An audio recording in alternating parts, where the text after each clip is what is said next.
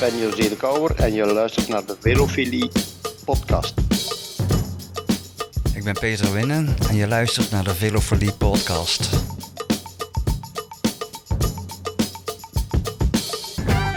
De Velofilie podcast.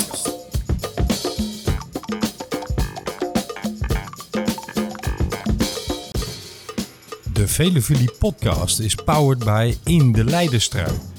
De wielerwebsite voor het laatste nieuws, originele content en belangrijke informatie over alle wedstrijden. In de Leidenstrui.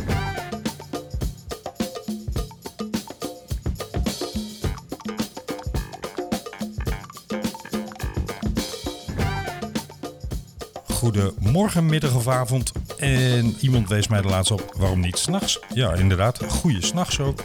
Beste luisteraars, bij een nieuwe aflevering van de Velofilie podcast. Want er zijn genoeg mensen die s'nachts op de weg zitten en dan naar podcasts luisteren. Nou, altijd leuk natuurlijk. Wesley, welkom. Mag ik jou meteen even een korte vraag stellen, Wesley? Waar staan de letters WOW voor? Mathieu van der Poel? Correctie, Watjeu van de Poel. Watjeu Outstanding Wattage. Oftewel, we hebben een nieuwe definitie van wauw. Alle machtig Heb je dat mensen. zelf bedacht? Nee, dit is een samengeraapd soortje van eh, gejatte teksten. maar beter goed gejat dan slecht bedacht, toch? Ik vond Watjeu van de Poel wel heel erg leuk. Wesley, welkom. We gaan het hebben over de straden. Want ook al zijn we inmiddels al een dag of wat verder... ik zit nog steeds na te genieten. En ik denk jij ook. Zeker. Dit is echt misschien wel nog boven de Amstel Gold Race voor mij. Ik weet niet of dat ook voor jou zo is. Ja, nee, ik heb hetzelfde. Ik heb hetzelfde. En ehm, het mooie was dat volgens mij... Nou, ik wilde vanaf zijn Michel of José eh, op Sportza zei van... ehm, Mathieu, als Mathieu wint, is het altijd spectaculair. En hij zet er altijd een dikke punt en een uitroepteken achter. Ja, dat, maar dat lokt hij ook wel zelf uit. En natuurlijk met die aanvalspogingen van 80, 70, 60 kilometer van de meet. Dan kan je het ook bijna niet anders krijgen dan dat het, dat het zo'n overwinning is als hij wint. Nu vind ik wel dat de, deze... Hij heeft echt nog nooit zo duidelijk, zo erg de beste van de wereld geklopt. Want als we het ooit al over een elite kopgroep hebben gehad... dan was dat zaterdag in Strade Bianche het geval. We hadden twee toerwinnaars. We hadden een wereldkampioen. We hadden een, eh, nou, laten we zeggen, upcoming eh, star. Hè, met eh, Marco Gogol. Gol, moet ik zeggen, volgens mij. Ik weet nooit goed hoe ik zijn naam uitspreek. Weet jij dat? Gogol, Ja, toch wel. Hè? mijn beste Duits. Nou, mocht een van de luisteraars zeggen... joh, helemaal fout. Reageer vooral. Dat kan op Ja. Velevoliepodcast.gmail.com. Je kunt ook een eh, tekstbericht inspreken. eh, www.vriendvandeshow.nl Nou, je kunt het op ons op allerlei manieren laten weten. Ja, als je het ooit over een elitegroep hebt gehad, eh, Wesley. Ja, dit was hem. Dit was echt misschien wel de, de elite kopgroep die we in het wielrennen ooit gezien hebben. Ik bedoel, we hadden een wereldkampioen. We hadden een wereldkampioen veldrijden. We hadden de twee meest recente toerwinnaars. We hebben een opkomend talent in de vorm van Gogol, of hoe je het ook uitspreekt. En we hadden Wout van Aert, de superman van vorig seizoen. En let maar op, die gaat ook dit seizoen weer terug eh, zijn in, eh, aan het front hoor. Natuurlijk was hij dat nu ook, maar die gaat op punt zijn, zoals ze in België zeggen. Bij eh, de koersen die hij uitgestippeld heeft. En als je dan met die straalmotordemarrage van Mathieu op de Santa Catarina, ja, iedereen even, nou laten we zeggen, te kijk zet, dan eh, mag je wel spreken van een superieure overwinning. Zeker, maar ook, ook die eerste demarage van Van der Poel. Hij ging daar niet, als je naar zijn wattages kijkt, hij haalde daar 700 watt en hij ging daar dus niet eens voluit. Klopt. En hij, rijdt- hij, rijdt daar ook, hij rijdt daar ook gewoon iedereen, iedereen uit het wiel. Ja, En Alaphilippe is de beste daarop, hè? In, in, in, de, in deze categorie is Alaphilippe was de beste in de laatste drie, vier jaar. absoluut. Ja. En Van, en van der Poel hoeft niet eens voluit te gaan om uit het wiel te rijden. Ja, als je die, die aanval van Mathieu op La Tolve, eh, maar ook in, op de Santa Catarina, weet je waar het mij een beetje aan deed denken? Vertel.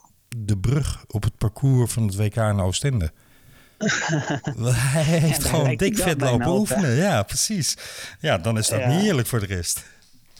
Nee, maar dit, die laatste sprint van Van der Poel, dat is echt zoiets. Als je dat op je telefoon hebt, dat, dat, dat kleine fragment, dan ben je gewoon geneigd om naar buiten te gaan en het gewoon aan compleet vreemde van, kijk nou, kijk nou. dat, dat, heb je die neiging niet? Jawel, maar ik weet uit ervaring dat ze dan naar mij kijken van... eh, en nu? Ja. Je bent begeisterd met het wielenvirus of je bent het niet. Iets ertussenin bestaat bijna niet. Erg is dat, hè? Ja, of zoals mijn dochter zaterdag vroeg toen ze na een uur nog steeds dezelfde mannetjes op fietsen zag rijden. Zei ze, papa, wat is hier nou aan? En op dat moment, Ja. op dat moment heb ik hem maar even op de gang gezet. hey, ehm, laten wij even beginnen bij eh, het begin. Want het begin van zaterdag was natuurlijk gewoon de vrouwenkoers. En ook daar, wat een schitterende koers weer. Zeker. Ook dat Marianne Vos met Annemiek van Vleuten mee kon. Ja, mooi hè? Op, op, op, op dat vond ik echt, echt prachtig. Niet verwacht. bij de vrouwen zat echt iedereen die er toe deed, zat eh, in koers. En dat was eigenlijk het moment dat de koers openbrak. Hè? Dat eh, Van Vleuten eh, aanging op Latolve en Vos mee kon. En toen dacht ik, winning move. Maar dat was hem niet. Want Ja. SD Works, nou ja, deed eh, ultiem ploegentactiek. Haalde Van Vleuten en Vos terug. Van Vleuten had wel Garcia nog op dat moment. Maar voor de rest zat ze eigenlijk redelijk geïsoleerd. En dat was, zoals we wel vaker van Chantal van der Broek gezien hebben, het ultieme moment om te jumpen. En daar bleek weer haar ongelofelijke koerslimheid. Want ja, precies dat moment was het goede moment om te springen. En wie kreeg ze mee? Ja, Longo Borghini. Ja, ja. ik heb eh, gezegd, blijf er maar op letten. Want als er concurrentie voor de Nederlandse dames is, dan zal het toch ook van haar eh, moeten komen. Die, eh, die reden met z'n tweeën lekker door. En ehm, daarachter gebeurde nog wel het een en ander.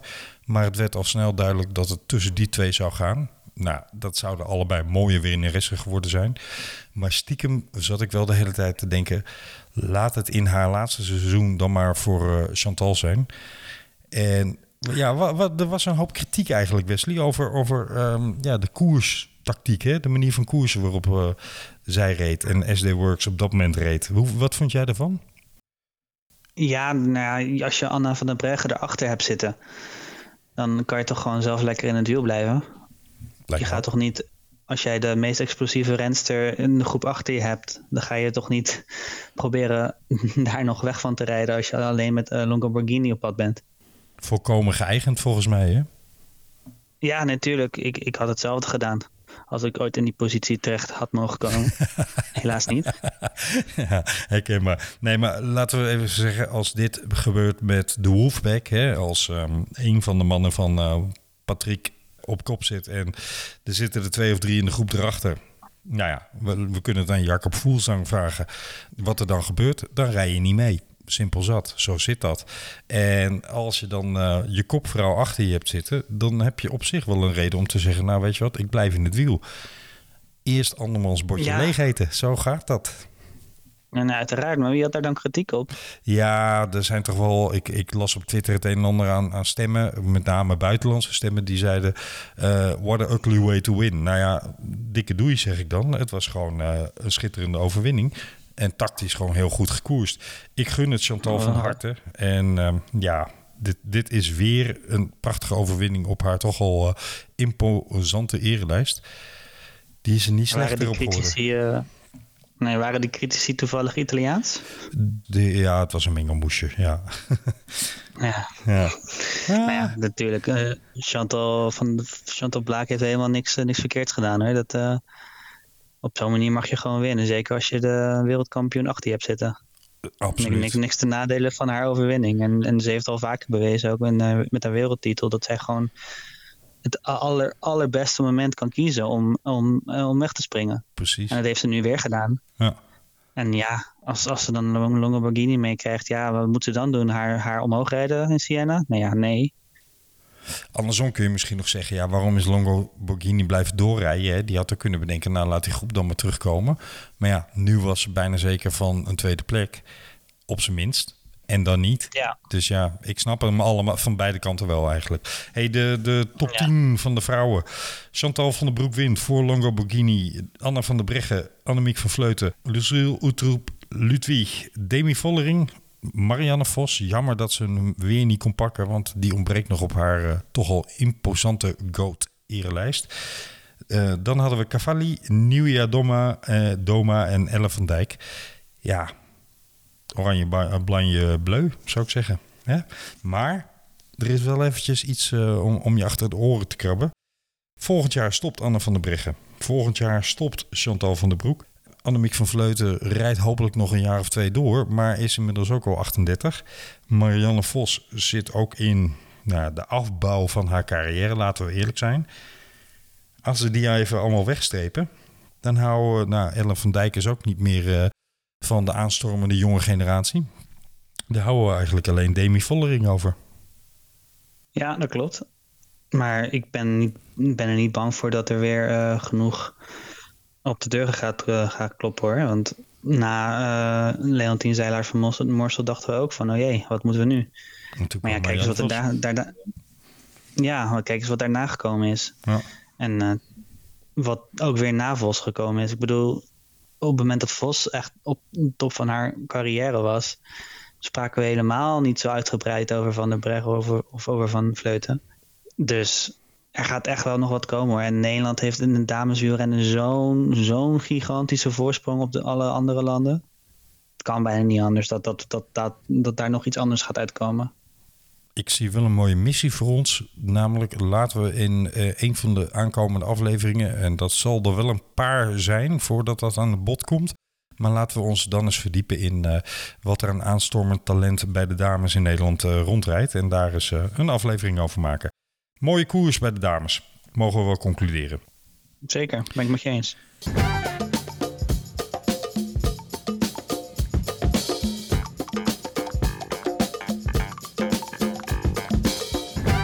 Gaan we het uh, toch nog maar eens even over de herenkoers hebben ook. Want uh, jongens, ik, ik, uh, los van dat Mathieu van der Poel wint. dat deed mijn Nederlandse hart natuurlijk harder kloppen, laten we eerlijk zijn. Maar ik vond het ook gewoon een fantastisch mooie koers. Voor iedere wielerliefhebber. Ja, maar dat kwam... Je hebt echt alles in die wedstrijd. Je hebt de, de crème de la crème die aan de, aan de start staat. Dan heb je de omgeving. Dan heb je die wegen. Dan heb je het verhaal van corona eromheen. Je hebt, je hebt zoveel drama en, en, en romantiek in die wedstrijd. En dan krijg je ook nog zo'n koersverloop. Nou, dat, als dat geen, niet dit zesde monument wordt, dan kan je mij echt opbergen hoor. Ja, ik, ik, ik ben het volledig met je eens. De, ik, sterker nog, ik vind deze wedstrijd misschien al wel in de top drie mooiste wedstrijden staan. Nee, dat haal ik uh, terug. Ik vind deze in de top drie mooiste wedstrijden staan. Niet misschien. En uh, ik, ik vraag me eigenlijk af, heeft Strada Bianca wel nodig dat, dat er over monument gesproken wordt, ja of nee? Tot nu toe niet. En de wereldtop staat aan de start. En het is een schitterende koers. Elk jaar weer. En het, de, de, de winnaars bij Strade Bianca zijn eigenlijk altijd de verdiende winnaar. Gewoon de sterkste in koers. Het is geen koers die je makkelijk kan stelen en die je met of leep rijden binnen kan halen. Dit is gewoon mano a mano. May the best man win. Hoe mooi kan koers zijn? Ja, dat is echt een prachtige in, in deze wedstrijd. Hè? Ja. Want je hebt heel vaak in het wielrennen dat, dat je dan hebt van... Ah, was dat nou een terechte overwinning? Wat misschien de Italiaanse wielerfans van uh, uh, Chantal Blaak uh, dachten. maar nou, dat even terzijde. je hebt in deze wedstrijd heb je zoveel momenten waarop je het verschil kan maken. Ja. En eigenlijk daarom dacht ik ook dat Van der Poel helemaal niet zo'n grote kanshebber was voor deze wedstrijd. En dat beken ik nu heel eerlijk. En dan moet ik ook eigenlijk gewoon met de billen bloot. Ik dacht niet dat hij ging winnen. Ik zei, ik heb de vorige uitzending gezegd dat ik dacht dat Mollema misschien nog wel kon kloppen. Ik, wil, ik wilde je net om de oren slaan, Wesley. wat, wat was ook weer jouw quote? Als Bouke wat je ergens kan lossen, is het in straden, toch? nou ja, ja in het normaal gesproken zou ik zeggen, ja, eh, heb je ook gelijk. Maar dit jaar, nou ja, trouwens heb je wel gelijk. Ik, ik snapte jouw redenering, laat ik hem zo zeggen. En ik, ik onderschreef die ook wel. Maar Mathieu heeft hem toch behoorlijk gelogen straft. Ja, ja ik, ga, ik ga gewoon nooit meer iets zeggen over Van der Poel. ja, maar dat is het leuke, hè? het, het wordt onderhand, maar let op, hè. ik ga toch nog een keer tussendoor roepen. We gaan echt absoluut die tweestrijd weer zien hoor. In ehm, eh, de ronde en in Parijs-Roubaix tussen Mathieu en Wout.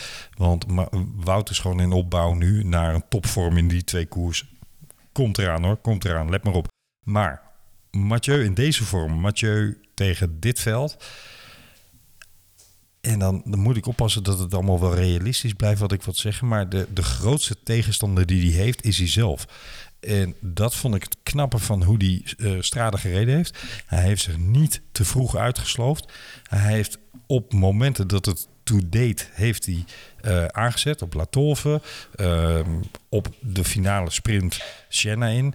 Ehm, hij, heeft niet eerder, hij is niet eerder uit zijn kot gekomen dan, dan ja, noodzakelijk was in de koers.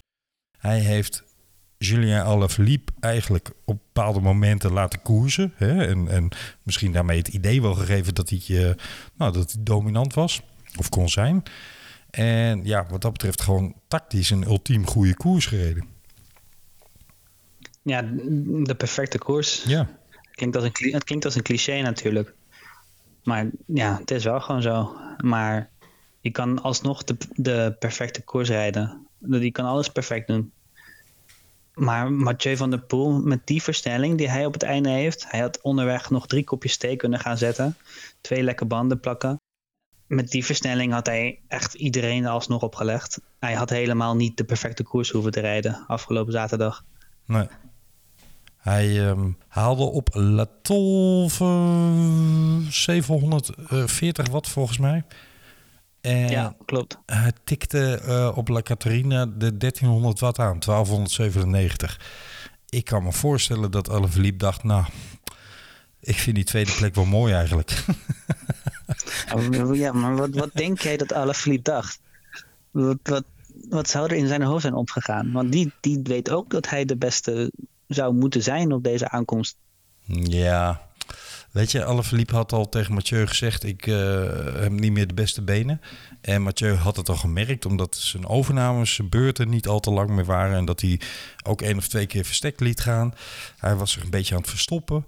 Dus Mathieu had wel door hoe de vork aan de steel zat... en eh, hoe de klepel erbij hing bij eh Alaphilippe. Dus ik denk dat Alaphilippe realistisch genoeg is om te denken... nou ja, op dit moment in deze koers, op dit moment in het seizoen ja, is Mathieu gewoon de sterkste. Hè? Dat zei hij ook na afloop van, nou ja, dit is verdiende overwinning. En hier kon ik ook echt ne- verder niks aan doen. Dus ik, ik denk niet dat dit heel erg in, in zijn kopie gaat zitten bij uh, Alaphilippe. Maar stiekem hoop ik het wel. Je hebt er niet zo op Alaphilippe? Jawel, nee, maar ik, ik hoop stiekem wel dat het in zijn kopie gaat zitten. Want ja, dat is alleen maar winst, toch? Nou, dat heeft Van der Poel niet nodig hoor. Maak je maar geen zorgen. dat, eh, nee, ik ben, ik, ben, ik ben helemaal overtuigd. Ik ben helemaal om. Ik, was, ik, ik bleef altijd best kritisch op Van der Poel. Ik wilde niet echt meegaan in die hele hype. En ik wist natuurlijk wel dat het allemaal eh, ja, super knap was en technisch en, en alles. Maar op de Amstel Gold Race vond ik nog dat hij wel wat geluk had. Natuurlijk, die laatste 10 kilometer bizar wat hij deed. Maar het koersverloop was volledig in, in zijn voordeel. Maar nu, er was gewoon geen universum zaterdag waarin Van der Poel niet ging winnen. Ja, ik ben overtuigd.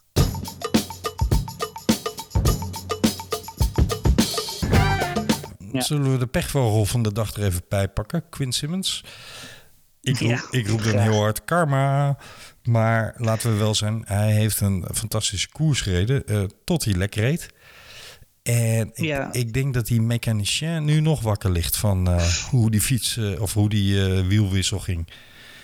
Zou die inmiddels al een nieuwe band hebben, denk je? Of zou die er nog staan? ik, ik denk dat hij nog aan die as staat te draaien daar. Ja. Blijf over tot het sneller gaat. nee, Ja. dat, dat leek helemaal nergens op. Maar ja, het is ook lastig hoor met die schijfremmen. Dat is het grote nadeel van met schijfremmen rijden. En zeker als je dan een wiel hebt wat niet authentiek bij de fiets hoort, ja, dan eh, wordt het ook nog wel lastiger. Maar goed, dat was wel even een tegenslag voor Simmons, want hij reed tot dan toe ijzersterk.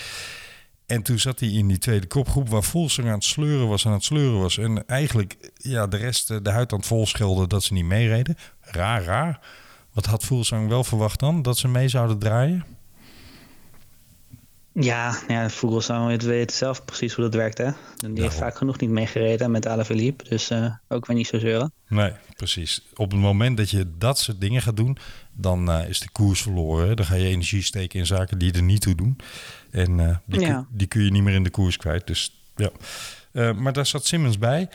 En die draaide op een laatste grindstrook, of nee, de laatste grindstrook was het, die draaide een rechtse bocht door en de hupsakee in het skoekeloen met Simmons. Toedeledokie. Ja, was, was het klaar? Ja, toen was het klaar. Weet je wie ook snel klaar was? En dat viel me tegen. Van Avermaat. Ja. Ja. ja. Dat, wilde, dat wilde ik ook al zeggen. Ja, dat, hij leek goed te anticiperen, maar dat bleek eigenlijk wel gewoon een signaal te zijn van zijn, van zijn uh, nou, bizar slechte benen, zou ik bijna willen zeggen. Ja. Van Avermaat is wel toch een jaren echt vaste, vaste kost bij dit soort wedstrijden, als hij aan de start staat. Zeker. Top 5, top 10. Maar nu, die kan je echt opschrijven. Maar ja, ik denk dat het een beetje voorbij is, voorzichtig, met Van Avermaat. Mm, mm, ik wil die conclusie eigenlijk pas na het hele voorjaar trekken, maar... Ik, uh, ik vond het feit dat hij op 60 kilometer van de meet aanging met een groep van 20 man, vond ik alles behalve een teken van overtuiging. Nee, klopt. En uh, nou, dat, dat kwam al snel uh, tot uiting toen de sterke mannen bij die groep kwamen en hij niet mee kon. Ja, toen was het heel snel gedaan. Toen kregen we een kopgroep van Simmons van Avermaat, Askreen en Formelo. Uh, wie zat er niet mee? Voelzanger van Avermaat. En later sloot er nog aan uh, Pogacar, Alaphilippe, Pitcock, Benal, Mathieu, Wout, Pogacar. Ik vond het een gemis dat Mollema niet mee kon. Maar die zei dat hij uh, niet zo heel lekker in het gravel kon rijden. En Bardet zat er ook niet bij. Maar die had pech. En die moest, ja. die moest terugkomen in, in die groep met... ja, wat was het toen nog? Een man of dertig bij elkaar. en juist op het moment dat... dat die aangingen. Alle Philippe zette daar aan. Toen was hij net teruggekeerd, dus dat kostte hem meteen de kop. Maar die zei na afloop, ja, de vorm was nog niet helemaal op punt, zoals in België zeggen. Terwijl ik toch juist gehoord had dat hij op de tijden heel goed getraind had. Dus. Ik denk dat er daar nog wel echt zijn winst gaat behalen dit jaar hoor. Ja. Daar heb ik een heel, heel, heel goed gevoel over. En, en ja, nu was het vooral pech. Inderdaad met die lekke band op een heel ongelukkig moment. Ja, dat was het vooral. Nu is, elke, ja, nu is elke lekke band in de straden in de laatste 60, 70 kilometer eigenlijk funest. Die groep. Nou, die hele groep die zat op een gegeven moment op 9 seconden, hè? die groep 2. En dat, dat, ja, dat, dat vond ik verbazend. Uh, ik dacht nog, dat wordt een, een soort algemene hergroepering. Maar um, toen zette alle Philippe voor de tweede keer aan. Ja, en toen was het echt gebeurd. Ook overigens op dat moment voor Van Aert en Pitcock. Hè, die moest, uh, moest even lossen. Maar, ja, dat vond ik heel verbazingwekkend dat, dat Van Aert toen moest lossen. Ja? Vind je niet? Jumbo-Visma had vooraf wel in, in de communicatie aangegeven van... in deze koers is hij nog niet op zijn allerscherpst. Hè? Hij moet nog een kilo of twee kwijt. Uh, hij mist nog een beetje wedstrijdritme enzovoorts. Dus op zich vond ik het niet heel verrassend. Uh, achteraf. Achteraf is altijd makkelijk praten. Maar, op maar als, je zag, als, je zag hoe die, als je zag hoe die aan het rijden was, zoals Van Aert, hij was echt kopwerk, echt misschien wel het meeste. Hij zette zelf ook uh, aan en nam initiatief. En toen was het opeens over. En dacht ik wel, ja, als je in je benen had gevoeld, waarom heb je niet een keertje een burgje overgeslagen? Ja. Je hoeft niet altijd uh, de, de, de man van de koers te zijn, toch? Eens, maar ik denk, um, ik, vroeger zouden de profs zeggen een doorgedreven training. Nou, dat is een beetje een understatement, want dit was natuurlijk geen doorgedreven training voor hem. Maar ik denk wel dat hij koershardheid wilde opdoen. Want, en bovendien, dat is ook wel hoe Van Aert anticipeert op dingen. Op het moment dat hij terugkwam in de groep met Van der Poel, Pogacar, Alaphilippe, Benal en Gogol. En, en hij kwam achter Pitcock aan. Het eerste wat hij deed, was meteen op kop gaan rijden in de afdaling die meteen volgde. En waarom is dat slim? Omdat hij op die manier het tempo een beetje bepaalt. En ook nog een heel klein beetje rust in kan bouwen uh, door op kop te gaan zitten. En daar zie je wel aan, het is en een slimme coureur, maar hij heeft ook ervaring in dit soort omstandigheden. In, in dit soort hardheid van de koers. En die wil hij gewoon nog even een beetje extra opbouwen in zo'n koers natuurlijk. Niet voor niets. Hij gaat volgens mij nu ook in de Tirreno van start of niet? Ja, klopt. Ja. Gaat daar voor een klassement voor het eerst. Ja, maar ook om, om extra koershardheid op te doen richting zijn echte doelen dit voorjaar. En dat zijn de ronde en uh, Parijs-Roubaix natuurlijk. Dus nee, het heeft me niet heel erg verbaasd. Uh, aan de andere kant zou ik ook niet verbaasd zijn, zeg ik heel eerlijk, als hij gewoon bij de, bij de drie beste ja, Senna ingereden was. Vooraf vonden wij het nog heel duidelijk uh, Wout van Aert, Mathieu van der Poel en uh, Alaphilippe natuurlijk. Ja. En daar, daar ging ik in de race ook gewoon vanuit. En daardoor was ik zo verbaasd dat Van Aert toen toch aan het lossen was. Maar was jij dan eigenlijk ook net zo verbaasd als ik dat Bernal er wel bij bleef? Ja, ik was daar in eerste instantie wel heel erg verbaasd over. Nu heb ik daar met een uh, collega vandaag over gesproken. En toen zei hij van dat Bernal heel vaak in de weer is met een mountainbike. En dat hij daar best goed in is. Dus als we iets beter erin hadden gedoken, dan hadden we misschien wel uh, gewoon geweten dat Bernal dit had gekund. Nou, los van of hij het kan. Dit is natuurlijk absoluut niet zijn stijl eigenlijk. Hè? Die explosieve klimmen. En zeker als je die wattages van Mathieu van der Poel hoort. Die op La Tolve 800 uh, en een beetje wat trapt. Ja, dat, dat is niet de stijl van, van Benal. Dat zag je overigens ook. Want Alaphilippe kon nog enigszins volgen bij die demarage van Van der Poel. Benal reed gewoon daarna rustig naartoe in de afdaling. Dus die kon ja. de explosiviteit van Mathieu niet volgen in, um, in, de, in de slotmeters van die klim. Ik was eerlijk gezegd niet zo overtuigd van Benal en zijn niveau na het vorige seizoen of hij dat makkelijk weer terug kon vinden. En dat heeft me verbaasd. Dat hij toch echt wel weer uh, die Bernal van twee jaar geleden uh, lijkt te zijn. Dus die, uh, die kunnen we wel opschrijven hoor, voor de Giro, denk ik. Ja, nou, dat ben ik wel met je eens hoor. Ik, ik was in, in, in de zin van verbaasd dat hij vorige week of twee weken geleden zei hij nog in een interview dat hij moet leren leven met, met de pijn. En dat klonk allemaal niet uh, heel positief, alsof we hem een week later op het podium zouden zien staan in uh, Siena. Nee, precies. Nee. En, dus en, daar, ja, daar ben ik wel, wel met je eens. En laten we wel zijn, Pogacar werd daar gelost. Terwijl, als je mij vraagt wie van de twee is explosiever, dan ga ik toch 99 van 100 keer mijn geld op Pogacar zetten en niet op Benal. Ja, ik denk alleen wel dat in die fase van de wedstrijd het niet alleen maar explosiviteit is op die stroken. Nee, dat klopt, dat klopt. Maar met die aanval van um, Mathieu, dat was natuurlijk een, een, een piekmoment in wattage voor, uh, voor iedereen. Benal reed daar overigens 475 watt, las ik later. Dus die uh, zat op ongeveer de helft van Mathieu. ja, nu is hij wel, wel wat lichter, dus hij heeft wel minder wat nodig. Ja, true. maar dan nog, hè? Dan, ja, dan nog, inderdaad. Ik heb in mijn uh, toch al uh, indrukwekkende leeftijd uh, wel eens wasmachines gehad die minder wattage hadden dan Mathieu op, op die klim produceerde. Maar dat terzijde. Nee, ja, we, kwamen uiteindelijk natuurlijk met z'n drieën te zitten en daar was geen meter gestolen van, want het waren de drie beste in koers. Uiteindelijke uitslag Mathieu van der Poel voor Alaphilippe, voor Egan Bernal, voor Wout van Aert, voor Tom Pitcock, voor Michael Gogol, voor Tadej Pogacar, voor Simon Clark, goed gereden, voor Jacob Fuglsang en voor Pello Bilbao. Nou, als je die lijst met name voor uh, achter je hebt staan, dan mag je met recht wel spreken van een superieure overwinning, zeg. Jeetje, wat een veld. Prachtige race. Alles is bij elkaar gekomen, het veld. En dan, en dan die explosie van Van der Poel. Ik denk dat heel, heel Siena aan het schudden was.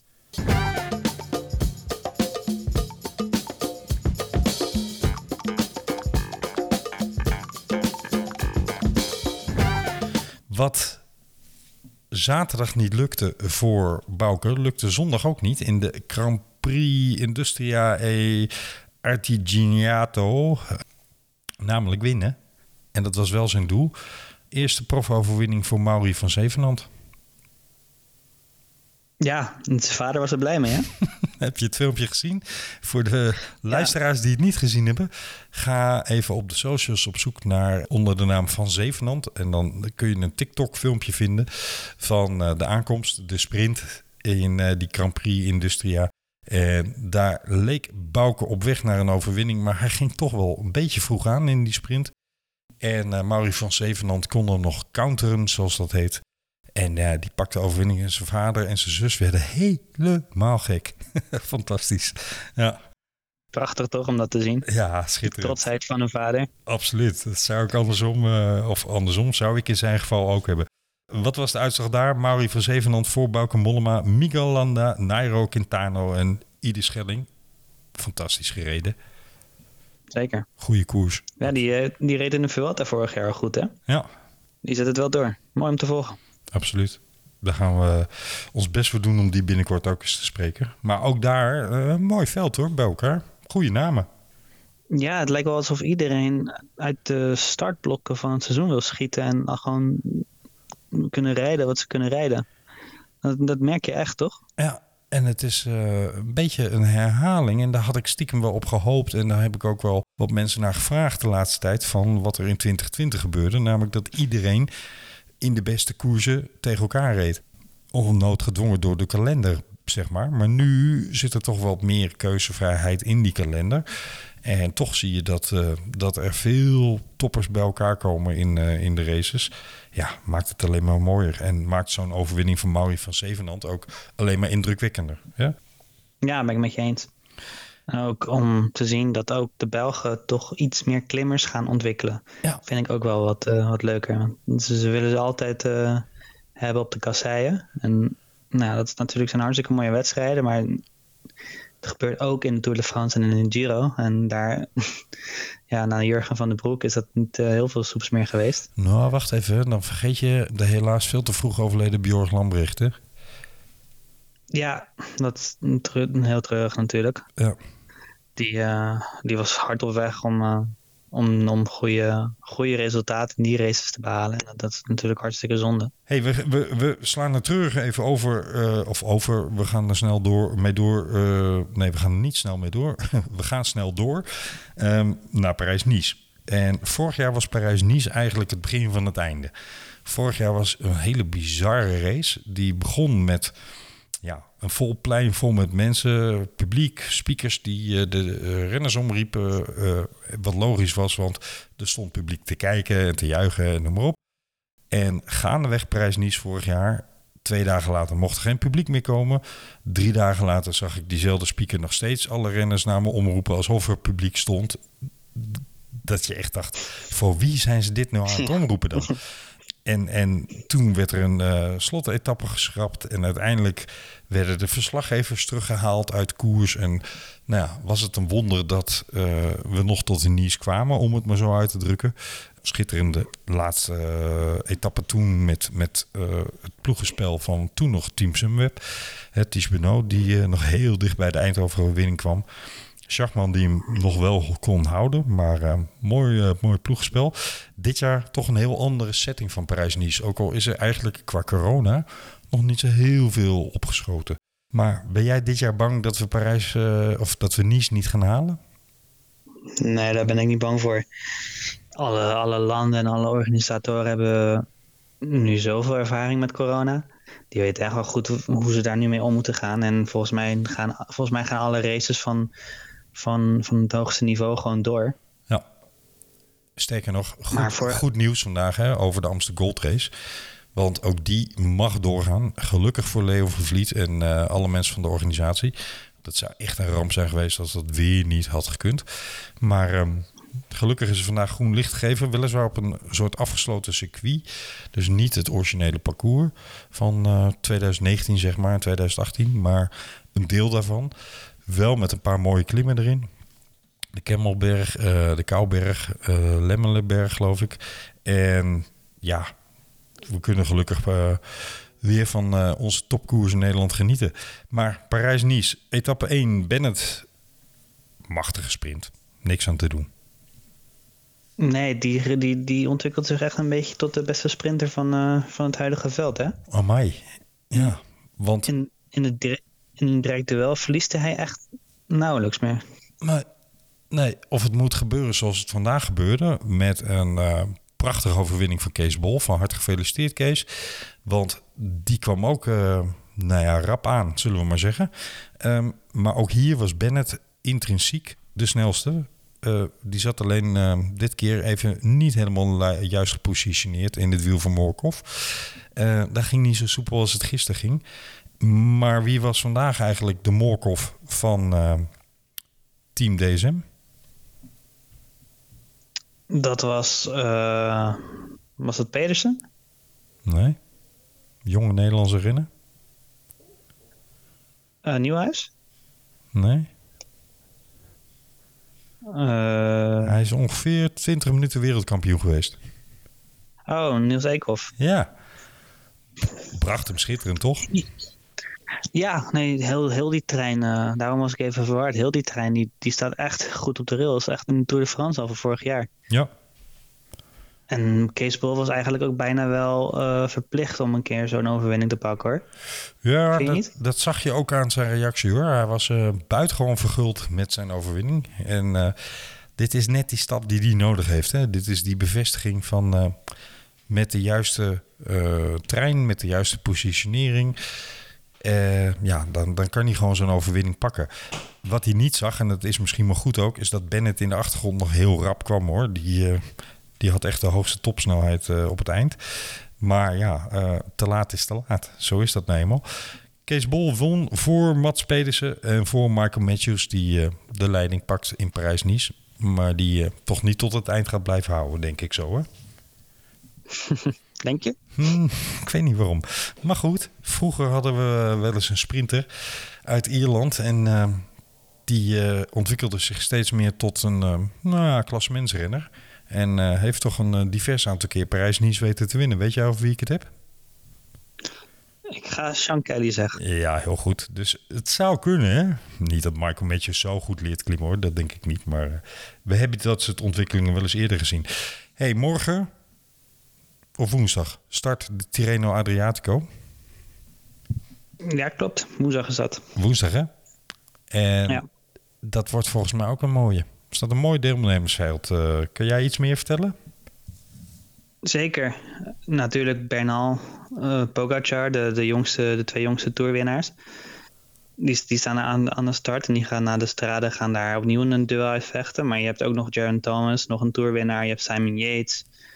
Uh, en die gaan echt wel een mooi, mooi duel uitvechten. En, en Wout van Aert gaat ook voor het eerst voor het klassement daar de eerste keer dat hij echt op het klassement gaat focussen. En ik ben echt wel benieuwd waar hij daar uit gaat komen. Ja. Want het parcours, het parcours is niet makkelijk. Maar het kan ook lastiger. Er is maar één echte bergrit. En dat is dan uh, op een berg van uh, bijna 15 kilometer aan 7 procent. Dus dat is ook niet het stijlste. Nee. Moet vanuit Verder kunnen. heb je ja, of in ieder geval de, de schade beperken daar.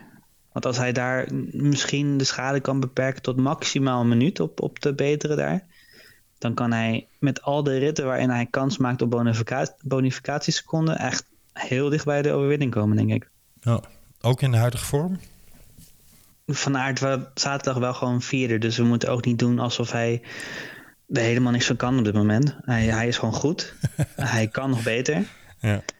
Maar als je, als je naar, naar het parcours van de Tirreno kijkt en hij mag ook wel gewoon gaan sprinten, dan heb je echt drie, vier ritten waarin hij uh, gewoon bonificatieseconden kan pakken.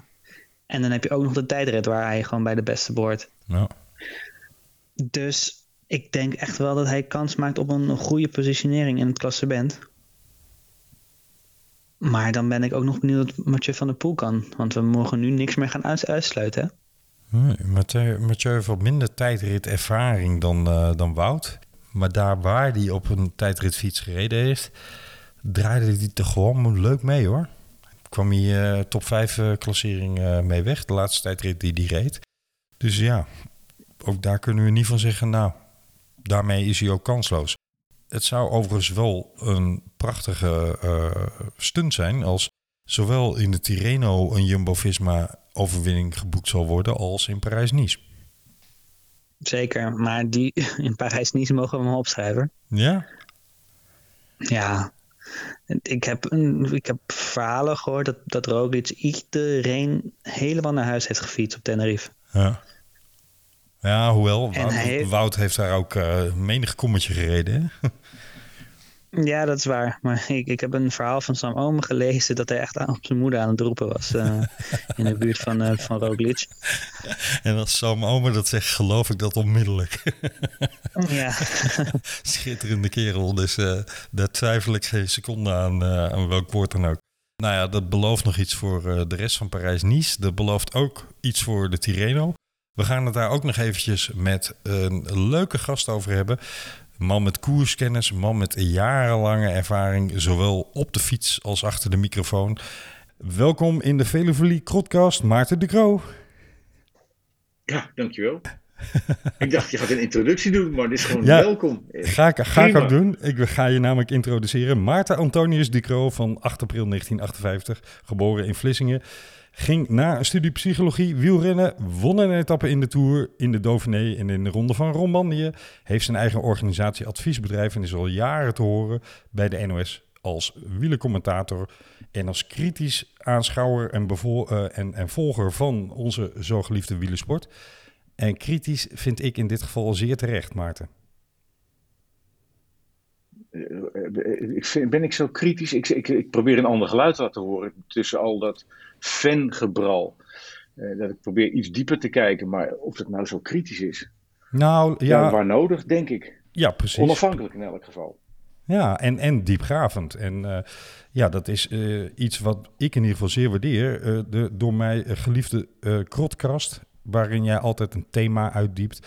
En daar met verschillende mensen een hele aflevering lang aandacht aan besteedt dat zijn juist die mooie verhalen die uit het wielrennen naar voren kunnen komen, maar heel vaak achter de coulissen blijven, omdat het alleen maar over de oppervlakte gaat. Over het snelle nieuws, over de overwinning van Mathieu. Uh, en, en de dag daarna zijn we weer met de volgende koers bezig. Hoppa, we gaan door.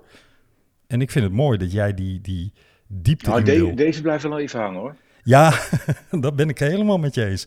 Zullen we het er toch maar even over hebben dan? Want laat ik het zo zeggen. Al, uh, ga je gaan? Wat wil je weten? Als ik jou uh, al jaren beluister, dan, dan zijn er een aantal thema's die voor jou uh, belangrijk zijn. En één daarvan is, peloton gedraag je nou niet als een kudde makke schapen die achter, achter de leider aanfietsen en voor de rest zo de slagbank op gaan. Nee, neem het heft in handen. Ga koersen, val aan. Nou, volgens mij was Strade daar wel het ultieme kolfje naar je hand in, of niet? Ja, ja, ja. Als ik ernaast zit, roepen hoor. Zeker. Ik weet niet of je gezien hebt wat, wat, wat, uh, wat onze Belgische collega's erover zeiden. Michel Wuits en uh, good old José de Kouwer. José de Kouwer. die zeiden het nieuwe wielrennen. En ik zeg, hè, hè, eindelijk hebben ze het ook door. ik, ik was iets te vroeg daarmee. En, en, en, er ontstaat een soort begripsverwarring. want ik introduceerde die term toen, toen het het wielrennen helemaal in zak en as was. Dat ze eigenlijk gewoon mafioos bezig waren, ondergronds met doping en noem maar op. En je zag in, in, in, een jaar of tien geleden kwam daar een kentering in, waarin jonge gasten begonnen te spreken over de tempel die hun lichaam was, die, waar je niet zomaar rossen in kon douwen. dat ze heel erg wetenschappelijk gingen trainen. Eh, dat jonge gasten niet eerst een heel ontgroeningsproces door hoefden, maar meteen aan de bak konden. En daar zag ik toen al signalen van. Mm -hmm. uh, met Geesink en noem maar op. Dat was echt een andere vibe was er in dat peloton. Dat heb ik toen het nieuwe wielrennen genoemd. En iedereen zegt van, ja, dat gaat natuurlijk. Jij zegt dat, dat ze nou geen doping meer gebruiken. Jij verdedigt het wielrennen. Daar had ik het niet over. Het, wat nu echt naar voren komt, wat, wat zich toen al aandiende, is dat er meer kans is voor jonge gasten om zich in een wedstrijd te manifesteren, om zich te, te ontplooien, om, om dingen te laten zien. En dat is in feite waar topsport om begonnen is, net als kunst. Het is een expressie van jezelf. Je gaat, waarom ga je tien jaar van je leven opofferen om in een peloton in de Tour te kunnen rijden? En dan zou je gaan doen wat je wattages meters je voorschrijven en wat je calorieteller zegt wat je moet doen. En die spanning, die zit, er, die zit in het huidige wielrennen nog heel erg uh, in. Die, zit, die is heel erg aanwezig. Maar je en ziet daar uh, breuken in komen. Zoals bijvoorbeeld ja. in Strade Bianca. Nou, dat, is, dat was gewoon, ja, als het, als het zo hard gaat, dan gaat het helemaal niet meer om wat je teller zegt. Dan gaat het gewoon om wat je met je kop door je benen heen kan douwen. Dat is het. Iedereen kan hard fietsen, maar dan gaat het om wat je met je hoofd kan. Ja. Ja, dat is echt, nou dat was van de bovenste plank. Ik was blij dat ik geen commentaar hoefde te geven, want ik kon ik gewoon genieten en kijken. En alleen maar gillen en roepen, Heerlijk. zonder me te hoeven gedragen.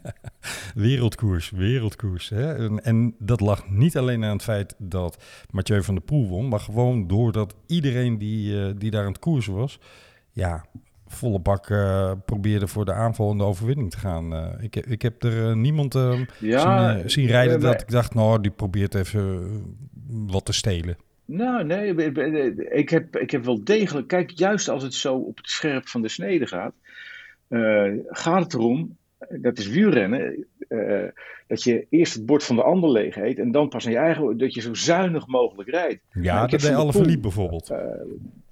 Tegen natuurlijk zien koersen, hij, hij deed zuinig. Maar ik, de, de, de commentatoren van dienst verwarden het allemaal met van hij is niet goed. Want normaal gesproken zou hij hier gewoon, net als Van Aert, laten zien wie de langste heeft. Bam, vol erop. En dat deed hij niet. Dat deed hij pas eh, op het aller, allerlaatst. eh, met zijn eh, aanval waarmee ze met z'n tweeën voorop kwamen, later Bernal.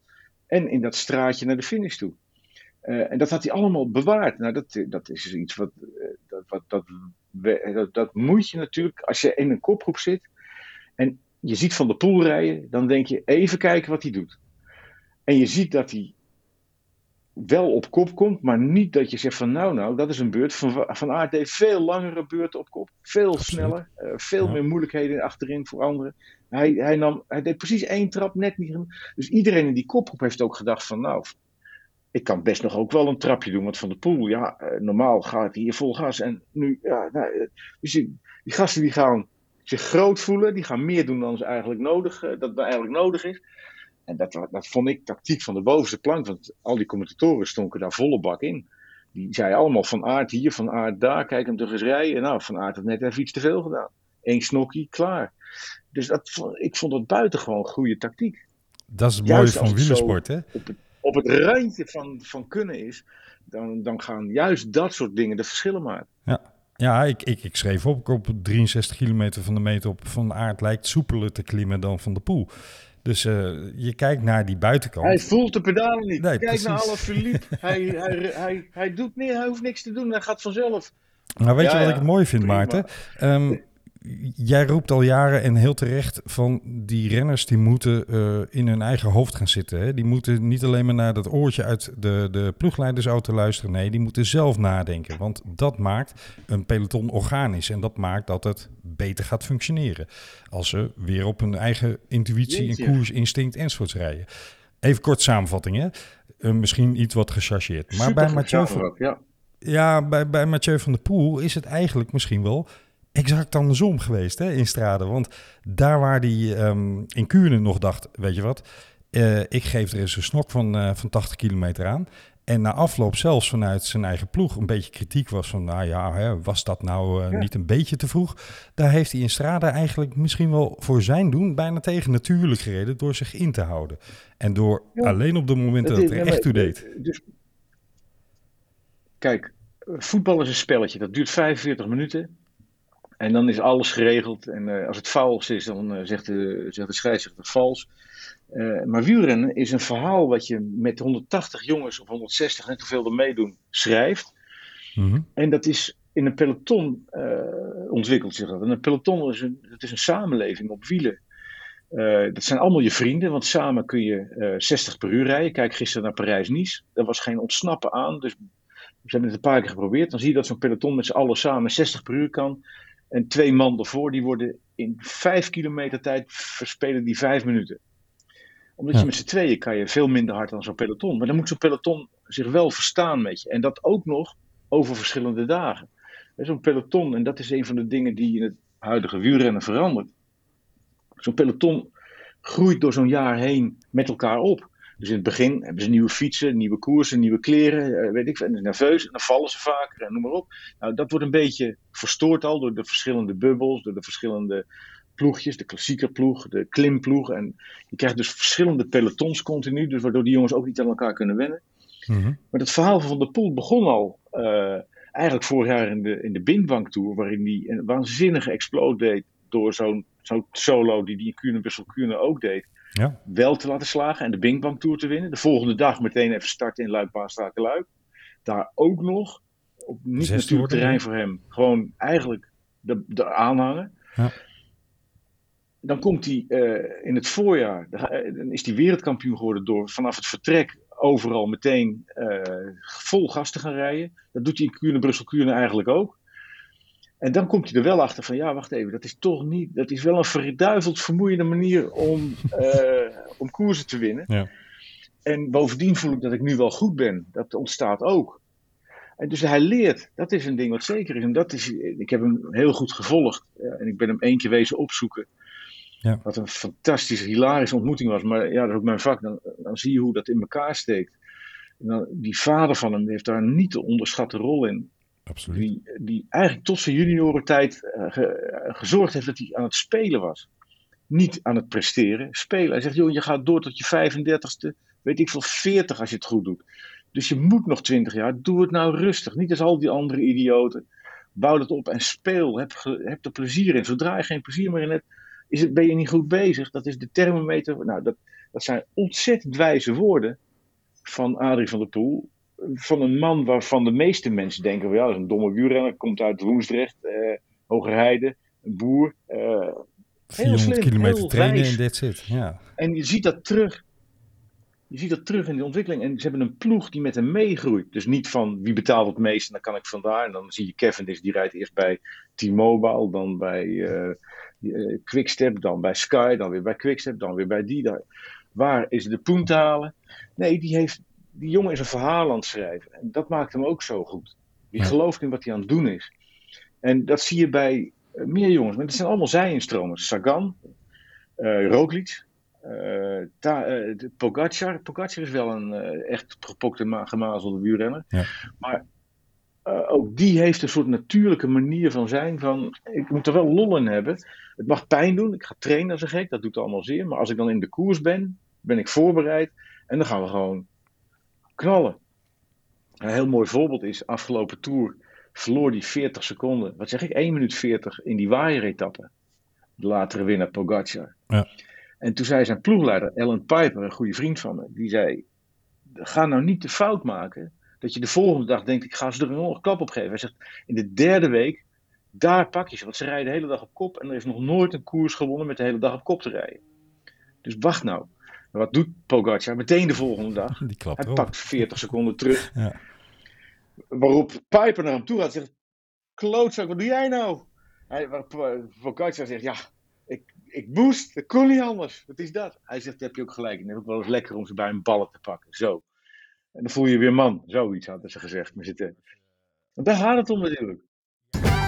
De Velofilie Podcast.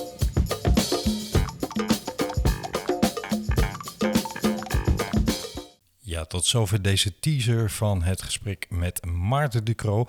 Later in een volledige uitzending zullen we het hele gesprek posten. Abonneer je dus op Spotify of Apple Podcast op Velofilie Podcast. Dan kun je dat hele gesprek horen en dan kan je vertellen dat is de moeite waard om te beluisteren. Altijd een genot om naar Maarten te luisteren. Wesley, het was weer een plezier om met jou eh, even terug te blikken op de koersen. Is er ehm, iets waar jij, behalve de koers die we nu besproken hebben, de Tirreno en Parijs-Nice, iets waar jij de komende tijd echt speciaal aandacht voor vraagt van onze luisteraars en lezers van In de Leidenstrui? Nou, kijk, elke, elke dag kun je gewoon een heel, heel uitgebreid verslag vinden van de Tirreno, van, de, van Parijs-Nice. Dus als je helaas moet werken en je kan niet kijken, dan hoef je daar niks te missen. En ook eh Milan Sanremo komt er weer aan, hè? Het, het eerste monument. Ja, Milaan Sanremo. Heerlijke koers. Mm, Ik ga je even een klein eh, gewetensdilemma voorleggen zo op het eind van deze uitzending. Als er nou één koers moet sneuvelen om Strade Bianca een, een monument te maken. Hè? Stel dat, welke zou jij dan kiezen? Milan Sanremo of Lagos Luik. En gek hè, dat zijn, dat, zijn- ja, dat zijn volgens mij wel de twee meest genoemde opties dan. Ja. Terwijl Luik is toch Ja, een schitterende koers. Het is een mooie koers. Maar ik, ik, ik heb er nou nog nooit zo van genoten als ik van een, een Strade Bianca heb gedaan. Of de Ronde van Vlaanderen van vorig jaar. Of eh, ja, Parijs-Roubaix elk jaar. Ik, ook, ook de omgeving is, is, is eigenlijk gewoon heel lelijk. Eens. En, en dat, maar dat, dat hoort dan wel weer bij dat, dat Flandrien gevoel. Ook al mag ik dat misschien helemaal niet zeggen over een Waalse koers. Maar dat hoort natuurlijk wel een beetje bij dat, dat Flandrien gevoel van België. Hè? Bij die, eh, de lelijkheid en de hardheid en de grauwheid en de... Nou ja, het liefst stroomt de regen met bakken uit de hemel als ze de muur van hoe je op moeten enzovoort. Ja, dat, dat is toch. Ik ga jou aanraden, Wesley. Ga eens terugkijken naar de eerste overwinning van. Uh, en overigens ook de laatste van uh, Steven Rooks in 1983. Die kun je op YouTube prima vinden. Prachtige overwinning. Uh, was hij zwaar underdog als eerstejaars prof. Tweedejaars prof was hij toen. Ja, mooie koers. Schitterend. Ver voor mijn tijd. Ik ben helaas pas in 94 geboren. Maar daarom dus... is het zo leuk dat hij op YouTube staat. Zeker. kan ik daar lekker in duiken. Ja, precies. Nee, maar goed. Ik, ik, ik zou never nooit Luik Bas op willen offeren. Ik heb ook uh, mensen vaker La Primavera horen zeggen. En als het dan zou moeten, zou ik daar ook voor kiezen. Nou, toch wel. Maar even goed, ook daar heb ik weer ongelooflijk veel zin in. En ook dat wordt weer een prachtig duel. Tussen alle Philippe, tussen Mathieu van der Poel, tussen Wout van Aert en misschien nog een aantal sprinters. Ja? Michael Matthews, die, uh, die zal daar best wel uh, wat revanchegevoelens willen, willen inlossen, denk ik. Ja. Heb je nog een verrassing uh, al, al in petto voor uh, Milaan Remo? Ik heb er wel één in mijn hoofd zitten. Vertel. Nou ja, verrassing. de echte kenners zullen het misschien wel weten, maar misschien de gemiddelde luisteraar niet. Aramburu. Vorig jaar zevende. Ja, op papier moet hij het kunnen. Ja. Hij kan een heuvel over en hij heeft een goede sprint. Maar ja, ik, ik, ik kan me geen scenario bedenken waarin hij uh, beter gaat doen dan een vijfde plek of iets dergelijks. Nou, ik zou ervoor tekenen hoor. En ik denk hij ook. voor mijzelf zou ik wel voor veel minder tekenen nog. voor uitrijden überhaupt. hey, ja. uh, laten we nog even verder dromen over onze eigen wielenambities en carrières. Wij treffen elkaar snel weer, Wesley, voor de volgende nabeschouwing. En uh, we gaan nog even kijken hoe we dat inpassen met Parijs-Nice en Tirreno. Wie weet gaan we daar iets aan doen. Dat horen jullie snel weer, beste luisteraars. Abonneer je daarom even op Spotify of Apple Podcast op onze Veluwe podcast, dan blijf je automatisch op de hoogte, want krijg je vanzelf notificatie als er een nieuwe aflevering is. Je kunt onze podcast ook steunen. Ga dan naar www.vriendvandeshow.nl slash en daar kun je een donatie doen waarmee wij nog meer van dit soort fijne uitzendingen kunnen maken. En we zijn altijd blij als je dat wil doen. En heb je nou um, iets goeds, leuks, opbeurends of eventueel kritisch te melden? Dat kan op Anchor. Daar kun je een voice message inspreken. Dat kan op de eerder genoemde pagina www.vriendvandeshow.nl. Want ook daar kun je een voice message inspreken. En je kunt natuurlijk ook gewoon een recensie achterlaten. Maar doe dat dan niet anoniem als je een één ster geeft. Jongens, jongens, jongens. Als je dan toch één ster geeft, zet er dan even een reden bij waarom je dat doet. Ik ga gewoon uh, Apple benaderen of ze die één ster kunnen schrappen. Laf, lafjes. het zal wel niet zo werken, maar ik ga het toch doen. zit je diep, hè? Het zit mij verschrikkelijk diep, absoluut. Ik kan daar heel slecht tegen. Ik uh, ben niet geboren om te verliezen, zullen we maar zeggen. hey Wesley, het was me genoegen. Wij, sp wij spreken elkaar snel weer en ik lees je weer op indeleidenstrijd.nl. Yes. Geniet van de koers. Ciao.